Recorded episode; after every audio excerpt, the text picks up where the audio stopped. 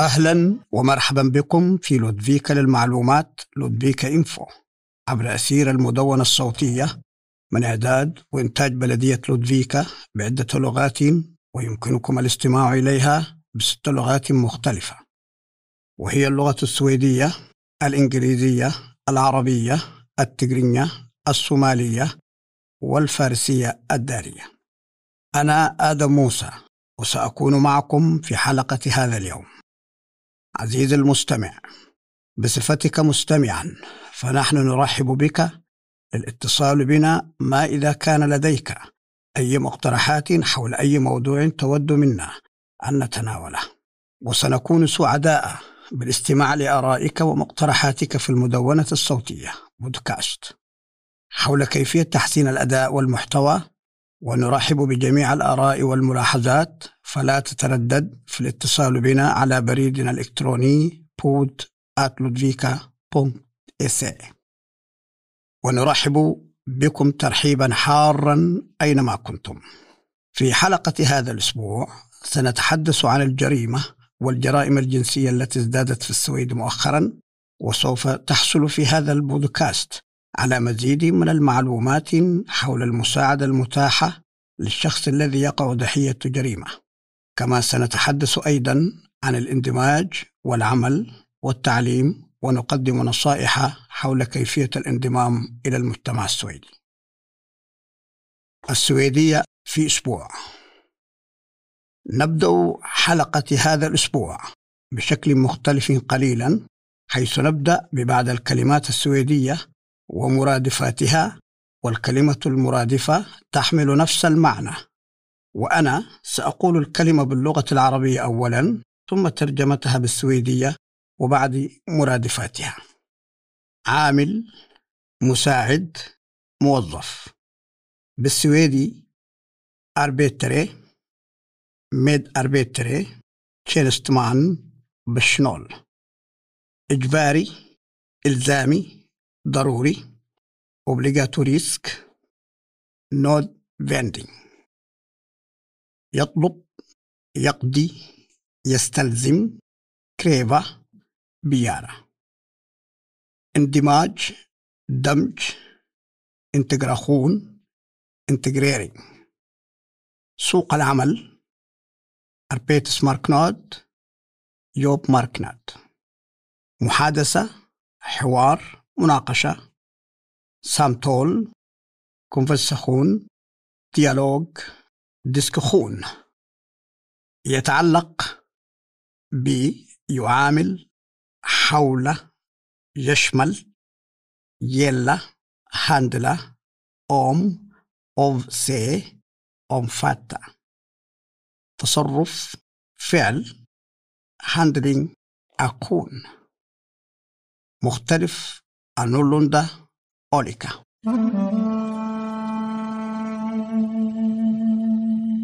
الإندماج في المجتمع السويدي. ربما تكون قد سمعت بكلمة الإندماج عندما يتحدث الناس عن الهجرة والمهاجرين ولكن ماذا تعني كلمة الإندماج في الواقع؟ يعني الإندماج أن الأشخاص المنحدرون من خلفيات مختلفة يجب أن يشعروا بأنهم ينتمون إلى المجتمع.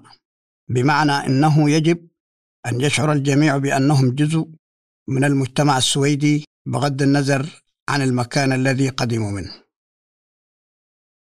تقود في الغالب المحادثات حول الاندماج إلى مناقشات بين المواطنين والسياسيين السويديين. ويعتقد بعض الناس أن الاندماج في السويد قد طبق بشكل سيء بينما يعتقد البعض الآخر أنه طبق بشكل جيد. والسبب الذي يجعل بعض الناس يعتقدون أن الاندماج لم ينجح في السويد هو واحد من بين أمور أخرى في أن العديد من المولودين خارج البلاد عاطلون عن العمل كما أن الجريمة أو عدد الجرائم المرتكبة آخذة في الازدياد في السويد ولكن هل هذا الواقع صحيحا؟ تعتبر هيئة الإحصاء السويدية السلطة المسؤولة عن الإحصاءات الحكومية الرسمية والإحصائيات هي أرقام يتم جمعها على سبيل المثال حول عدد الأشخاص العاطلين عن العمل. وفقا لإحصاءات المكتب المركزي للإحصاء بلغ عدد البطالة بين المولودين في الخارج 18.9% مقارنة ب 4.4% بين المولودين في السويد طبقا لإحصائيات عام 2020 ونزل الارتفاع معدلات البطالة. فيها بينما المولودين خارج السويد مقارنة بالمولودين في السويد ولهذا يعتقد بعض الناس أن خطة الاندماج لم تنجح في السويد. تزايدت معدلات الجريمة وخرق القانون في السويد وفقا لإحصاءات المجلس السويدي لمكافحة الجريمة. وهي هيئة تعمل للحد من الجريمة في السويد حيث بلغ عدد الأشخاص الذين تعرضوا للجرائم الجنسية في السويد حوالي 1.5% في عام 2006 بينما كانت النسبة 2% في عام 2014 ومنذ عام 2014 زاد العدد بشكل أكبر حيث بلغت نسبة الذين تعرضوا للجرائم الجنسية في عام 2019 حوالي 5.6% من جملة السكان أي ما يعادل 452 ألف شخص. عزيزي المستمع ما زلنا نلقي على مسامعك مزيدا من الأخبار وسنستعرض لك خلال هذه النشرة المزيد حول الجريمة الجنسية فاستمع إلينا. ازداد العنف القاتل منذ عام 2010 وهو العنف المؤدي للموت عندما يتعرض الشخص للضرب أو العنف. وفي عام 2010 تعرض 91 شخصا للعنف المميت أما في عام 2015 كان العدد 112 شخصا بينما بلغ العدد في عام 2020 إلى 124 شخصا ولكن هل المهاجرون هم السبب وراء تزايد الجريمة والعنف في السويد؟ لا يوجد بحث جديد يقول ذلك ويظهر تحقيق مجلس مكافحة الجريمة أنه منذ عام 2005 أن من يرتكب الجريمة 2.5 مرة عادة من المولودين هم وأطفالهم خارج السويد. ويعتقد الباحثون أنه قد يكون لعدة تفسيرات وقد يعود ذلك بسبب التمييز على سبيل المثال لأن الشرطة في كثير من الأحيان تتواجد في المناطق التي يعيش فيها العديد من الأشخاص المولودين في الخارج. لذلك تم اكتشاف المزيد من الجرائم المشتبه بها.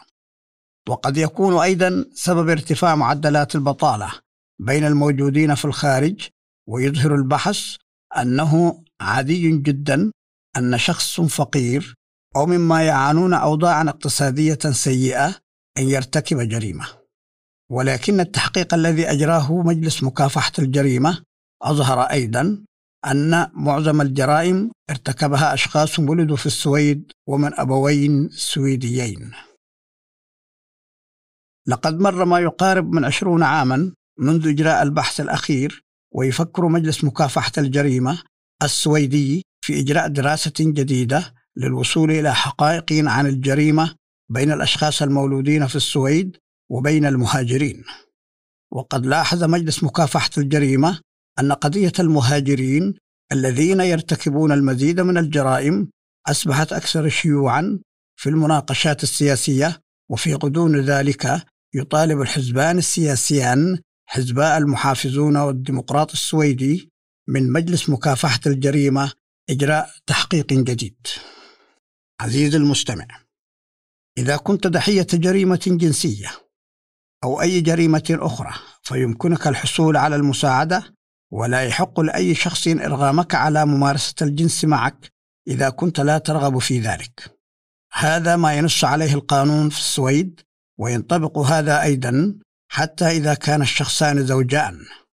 كما أنه من غير القانوني ممارسة الجنس مع شخص لا يمكنه الإجابة بنعم أو لا. ويكون ذلك على سبيل المثال عندما يكون شخص ما نائما أو عندما يشرب شخص ما الكحول أو يتعاطى المخدرات. وفي هذه الحالات عليك أن تتذكر أنه ليس خطأك أبدا إذا تعرضت لجريمة جنسية. إذا ما هي الجريمة الجنسية؟ الجريمة الجنسية هي عندما يتعرض شخص ما للتعامل الجنسي دون إرادته مثل أن يقوم شخص ما بإيحاءات جنسية معك على الرغم من أنك لا ترغب في ذلك. والتعامل الجنسي الذي يعتبر جريمة جنسية هو مثل ملامسة جسد شخص ما بطريقة يجدها الشخص إنها مخيفة أو مزعجة. كما تعتبر جريمة جنسية أيضا أن يستخدم المرء قوته ويجعل شخصا ما يشعر أنه يجب عليه المشاركة في ممارسة الجنس. يحق لكل من وقع ضحية لجريمة جنسية الحصول على المساعدة والدعم وللإبلاغ عن الجريمة عليك الاتصال بالشرطة على الهاتف رقم 14 واحد واحد أربعة أو قم بزيارة إلى مركز الشرطة.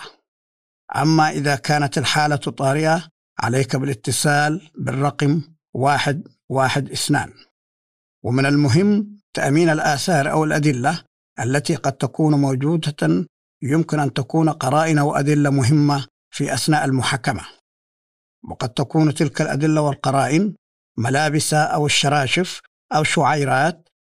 إذا اتصلت بالشرطة فور وقوع الحادث يساعدونك في البحث عن عن أدلة والتأكد من مراجعة الطبيب لأنه من المهم أن تقابل طبيبا أو شخصا آخر يعمل في مجال الرعاية الصحية. يمكنهم مساعدتك في أخذ عينات مختلفة. يمكن أن تكون أدلة مهمة في أثناء المحاكمة. هنالك العديد من المنظمات والأنشطة التي يمكن أن تساعدك وتدعمك في الجرائم الجنسية والعنف المنزلي من الأقارب. الرابطة الوطنية لمراكز دعم ضحايا الجريمة هي منظمة تقدم الدعم للأشخاص الذين تعرضوا للجريمة أو الأشخاص الذين شاهدوا الجريمة ضد أقاربهم الذين تعرضوا لها. عندما تتصل بتلك المنظمات ليس عليك أن تقول ما هو اسمك كما أنه يمكنك الحصول على الدعم بغض النظر عن هويتك أو ما تعرضت له. ويقدم الدعم لضحايا الجرائم والعنف بلغات مختلفة على رقم الهاتف واحد واحد ستة صفر صفر ستة. وعندما تتصل يجب أن تتحدث أولا إلى الشخص المناوب باللغتين السويدية والإنجليزية. بعد ذلك يمكنك الاتصال بشخص يتحدث بلغتك الأم. يمكنك تلقي المساعدة من خدمة الخط الساخن لضحايا الجريمة من خلال شخص ما يتحدث إليك كما يمكنهم تزويدك بمعلومات حول كيفية صياغة بلاغ للشرطة. كما يمكنك أيضا الحصول على دعم في المحكمة وكذلك المساعدة في الاتصال بالسلطات وشركات التأمين. ولمزيد من المعلومات يمكنك قراءة المزيد عن خدمة ضحايا الجرائم على الموقع الإلكتروني www.protisofferhoring.se إذا قام شخص ما بضربك أو إذا تعرضت للعنف يمكنك الاتصال بخط حماية المرأة المكالمة الهاتفية مجانية وغير مرئية في فاتورة هاتفك إذا كنت لا تتحدث السويدية أو الإنجليزية فإن خط حماية المرأة لديه إمكانية الوصول إلى مترجم فوري في معظم اللغات المستخدمة في السويد. إذا كنت بحاجة إلى مترجم فمن المهم أن تنتظر على الهاتف وقد يستغرق الأمر ما يصل إلى عشر دقائق قبل أن يتم تعيين المترجم الفوري ورقم هاتف حماية المرأة هو صفر اثنان صفر خمسة صفر خمسة صفر خمسة صفر. ولمزيد من المعلومات يمكنك قراءة المزيد على موقع الويب الخاص بخط حماية المرأة www.kvinnofridslinjen.se يمكنك قراءة المزيد عن المنظمات الأخرى التي يمكنها مساعدتك إذا تعرضت لجرائم جنسية على الموقع الإلكتروني freevilligsex.se وبإمكانك قراءة المعلومات الموجودة على الموقع باللغة السويدية السهلة وخمسة عشر لغة أخرى. وبالحديث عن الجريمة نستطيع القول أيضا أن الشرطة في السويد تطالب للحصول على إمكانية أكبر للتصنت على الأشخاص من خلال الهواتف والتسنت على المكالمات يعني الاستماع إليها دون علم أولئك الأشخاص الذين يجرون المكالمات. في الوقت الراهن سمح للشرطة للشرطة التنصت فقط على الأشخاص المشتبه في ارتكابهم جرائم يمكن أن تؤدي إلى السجن لمدة عامين على الأقل. وتريد الشرطة التسنت على المزيد من الأشخاص من أجل مكافحة الجريمة بطريقة أفضل. وحتى يكون للشرطة الحق في اعتراض المزيد من الأشخاص تحتاج الحكومة إلى تغيير القواعد القانونية المعمول بها حاليا.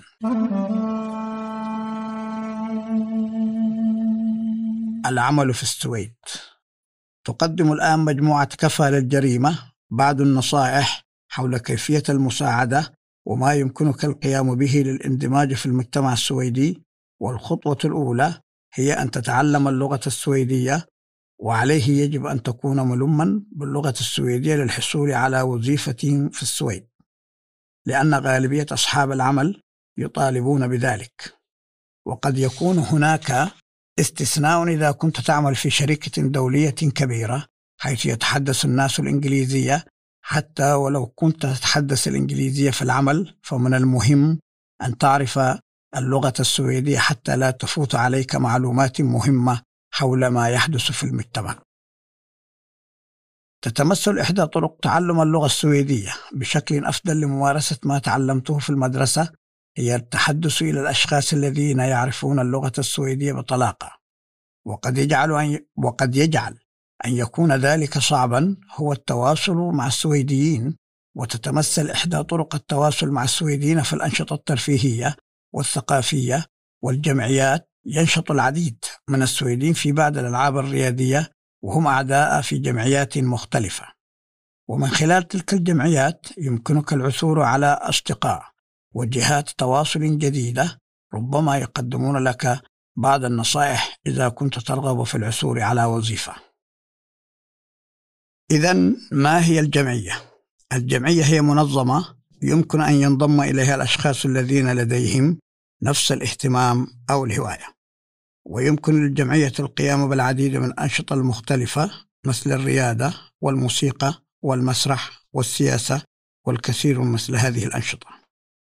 ولتكوين جمعية تحتاج إلى ثلاثة أشخاص على الأقل ورئيس للجمعية وهو الشخص الذي يقود أنشطة الجمعية للمرحلة القادمة.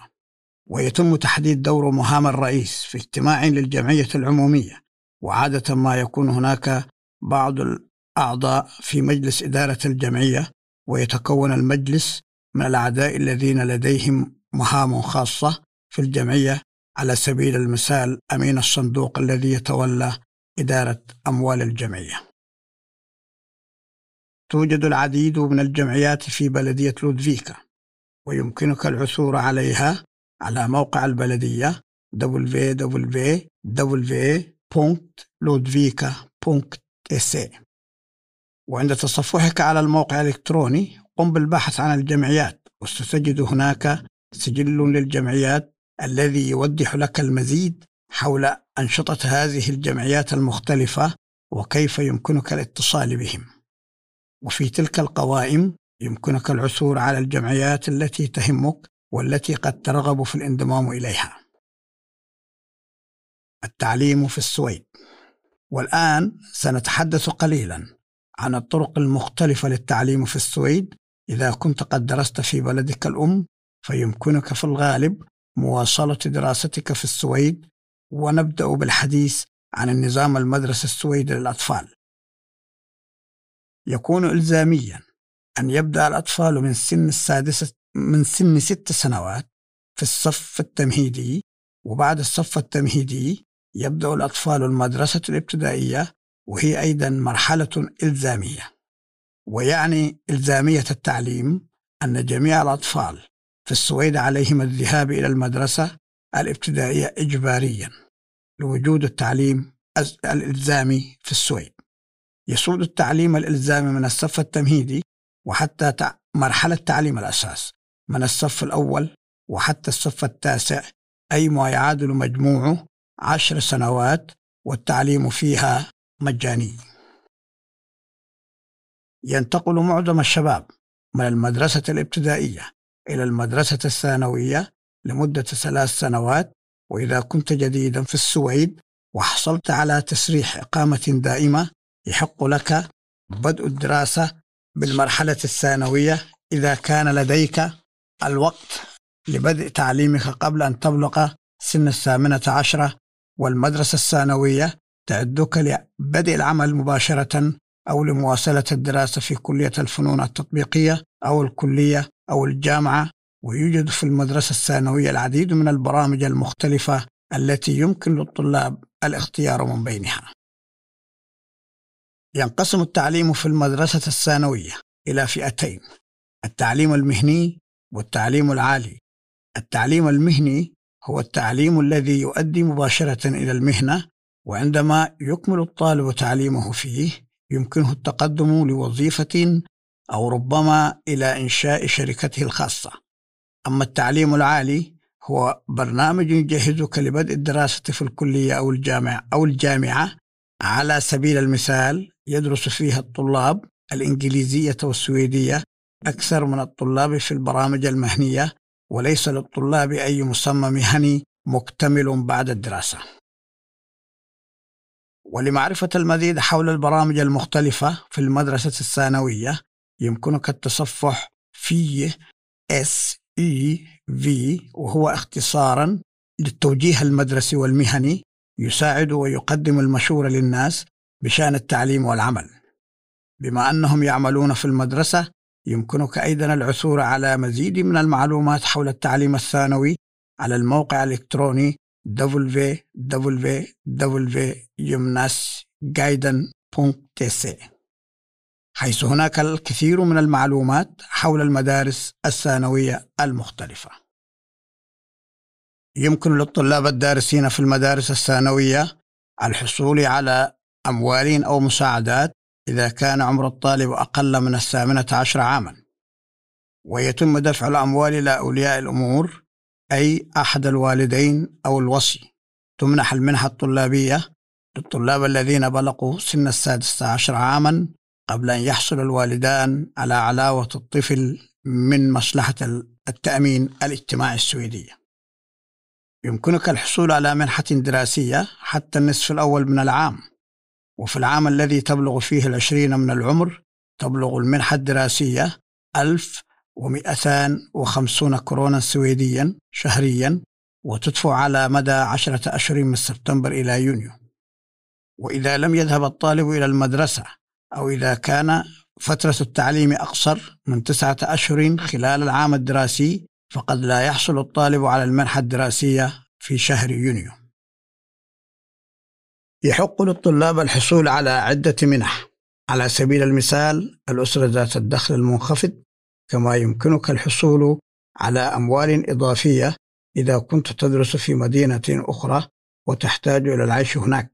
ولمعرفة المزيد حول المنح وكيفية التقديم لها يمكنك التصفح على الموقع الإلكتروني www.csn.sa وابحث عن المنح الدراسية. هناك العديد من المواد التعليمية للكبار الذين يرغبون في مزيد من الدراسة. التعليم متاح على المستوى الأساسي. في هذا المستوى تدرس نفس المواد التي يدرس بها الأطفال والشباب في المدارس الإجبارية السويدية. يوجد أيضا تعليم للكبار على مستوى المدرسة الثانوية كما تدرس دورات تتوافق مع المواد الموجودة في, برا في برامج المدرسة الثانوية للشباب يمكنك أيضا الدراسة في مرحلة ما بعد المرحلة الثانوية على سبيل المثال في الجامعة أو الكلية للبدء في الجامعة والكلية عليك أولا إنهاء دراستك على مستوى المدرسة الأساسية والثانوية. يمكن للبالغين الذين يرغبون في الدراسة في المدارس الابتدائية أو الثانوية القيام بذلك عبر تعليم للكبار التابع للبلدية ويوجد في لودفيكا جمعية في بي يو فيستر بيري سلوغان التعليمية بالإضافة إلى برامج اللغة السويدية للمهاجرين يمكنك قراءة العديد من المواد والتعليمات الأخرى. إذا كنت قد أكملت تعليمك الثانوي يمكنك الدراسة في كلية الفنون التطبيقية أو إذا كنت تريد معرفة المزيد عن الفنون التطبيقية فيمكنك الاستماع إلى الحلقة السادسة من هذا البودكاست. وفي هذه الحلقة سنتحدث بالمزيد عن الدراسات في كلية الفنون التطبيقية وفرص أخرى للدراسة في المدرسة الشعبية العليا وهي مدرسة للبالغين الذين يرغبون في الدراسة مما يمكنهم من دراسة دورات في المستوى الأساسي والثانوي في بعض المدارس الشعبية العليا يمكنك السكن في المدرسة أثناء الدراسة فيها. إذا كنت قد تلقيت تعليما في بلد آخر غير السويد قد تحتاج إلى الالتحاق بتعليم تكميلي وفي هذا التعليم ستحصل على تعليم يلبي متطلبات العمل المهني في السويد أما في الجامعات والكليات على سبيل المثال يوجد هناك تعليم تكميلي للاقتصاديين والمهندسين والممرضات وعلم الاجتماع والأطباء والمدرسين وغيرهم. يمكن أن تتراوح مدة هذا التعليم ما بين عام إلى عامين ويمكنك التقدم للحصول على المال من المصلحة المركزية للإعانات الدراسية CSN وإذا كنت تريد معرفة المزيد عن التعليم التكميلي فيمكنك زيارة موقع www.studera.nu ثم البحث عن التعليم التكميلي.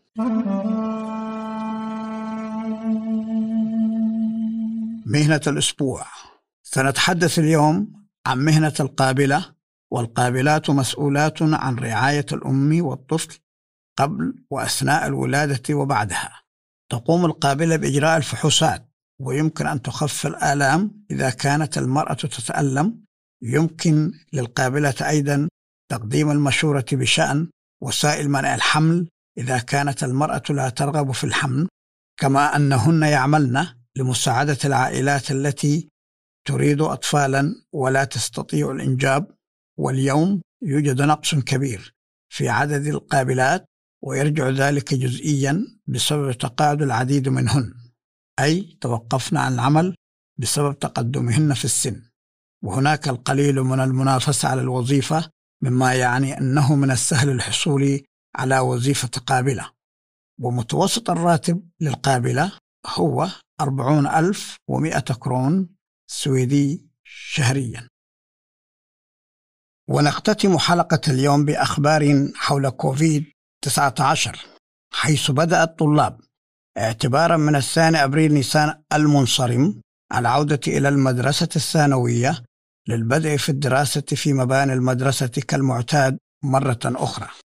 وقالت وزيرة التربية والتعليم آنك ستروم أن التوصيات صدرت لدراسة جميع الطلاب من بعد قد انتهت في الأول من أبريل ولكن لا يزال بإمكان المدرسة اختيار التعلم عن بعد على سبيل المثال إذا كان هناك انتشار كبير للعدوى كما قررت لجنة الاحتفالات في لودفيكا إلغاء الحفل الطلابي.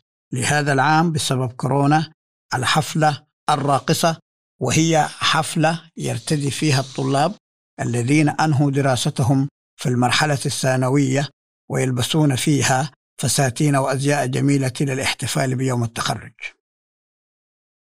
وننهي هذه الحلقة بالتوصية للاطلاع والتصفح على موقع معلومات حول السويد وهو موقع إلكتروني يسمى informationsfaria.tc ويحتوي الموقع على معلومات جيدة عن السويد.